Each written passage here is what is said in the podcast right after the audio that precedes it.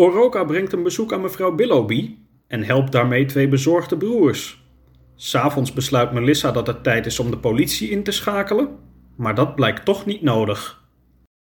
Hoofdstuk 46 Walvissen Melissa bracht Oroka terug naar de White Pony, waar Roe vertelde dat ze de tijgers nog een keer had gevoerd en dat er inmiddels geen aardbeienijs meer in huis was.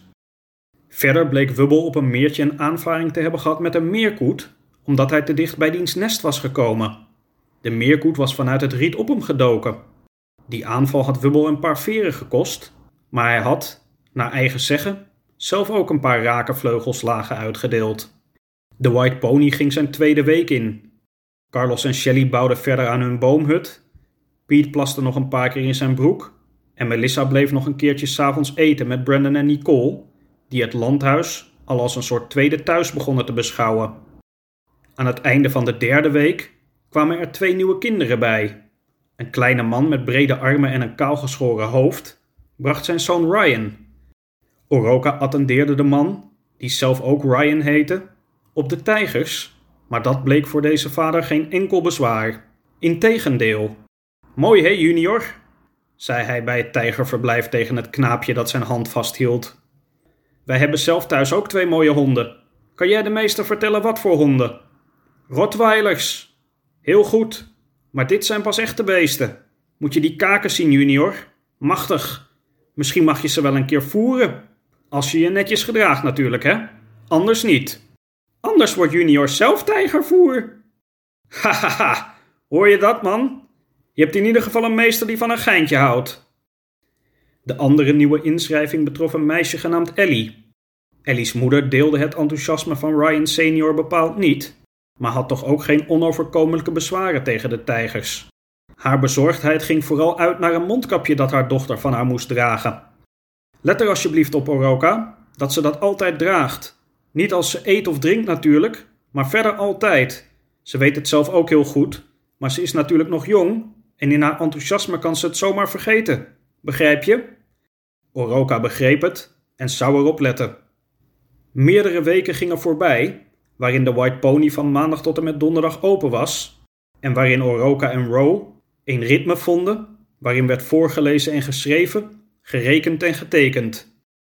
Wubbel hield het merendeel van de tijd afstand van de kinderen, maar liet zich af en toe wel wat stukjes brood voeren door Nicole. Op een dag, tijdens het middageten, stak de doorgaans wat verlegen Piet zijn vinger op. Meester, mag ik wat zeggen? Ja, Piet, dat mag. Ik heb iets bedacht tegen het coronavirus. Mag ik dat na het eten tekenen? Wat voor iets heb je dan bedacht, Piet? Dat wil ik niet verklappen. Ik wil het eerst tekenen. Ik heb ook iets tegen het virus bedacht dat ik wil tekenen, zei Ellie, die tot grote onvrede van haar moeder haar mondkapje, zowel thuis als op de White Pony, steeds vaker afdeed en het lapje stof al een paar keer opzettelijk had kwijtgemaakt. Ik heb ook een goed idee, zei Brandon. Andere kinderen bleken ook te hebben nagedacht over oplossingen tegen het virus, of kregen opeens ook een goed idee. Na het eten deelden Oroka en Ro papier en potloden uit en gingen de kinderen aan de slag met het uitwerken van hun ideeën. De eerste tekeningen waren na twintig minuten af. Piet was de hele middag bezig. Aan het einde van de dag liet ieder kind in de kring zijn tekening zien. Nicole had een figuur getekend die met een schepnet achter grote, kleurige virusdeeltjes aanrende. Op Lissie's tekening was een grote windmolen te zien die alle virusdeeltjes wegblies en zo de huizen van de mensen beschermde. Beneden, aan de achterkant van de windmolen, had ze een grote hendel getekend, waaraan haar vader druk stond te draaien, zodat de molen hard genoeg blies om het virus weg te houden. Ellie was op het idee gekomen om alle mondkapjes die er op de wereld waren bij elkaar te verzamelen. Ze had een machine getekend die van al die mondkapjes één hele grote ballon kon maken. In die ballon kon dan het virus gevangen worden, waarmee alle problemen zouden zijn opgelost. Geen virus meer en ook geen vervelende mondkapjes meer. Piet deed als laatste zijn verhaal bij zijn tekening. Ik had eerst ook bedacht wat Nicole heeft getekend, begon hij. Maar ik denk dat het virus te klein is om met een schepnet te kunnen vangen. Dus ik ben op een ander idee gekomen. Ik denk dat walvissen ons kunnen helpen. Walvissen zijn mijn lievelingsdieren en ik weet er heel veel van. Ze leven in zee, het zijn de grootste dieren ter wereld en ze eten heel veel plankton. Dat zijn hele kleine diertjes, zo klein dat je een microtoop nodig hebt om ze te kunnen zien.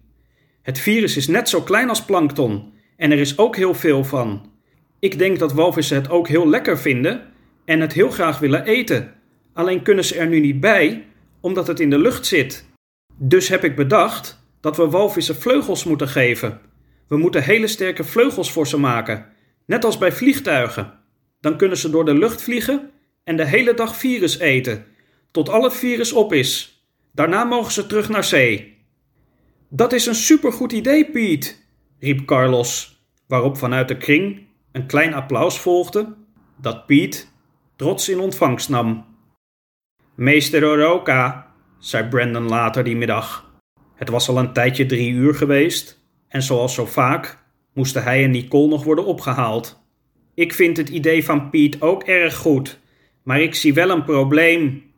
Walvissen zijn heel groot en kunnen heel veel eten, maar het virus is heel klein en kan ook huizen in om mensen ziek te maken.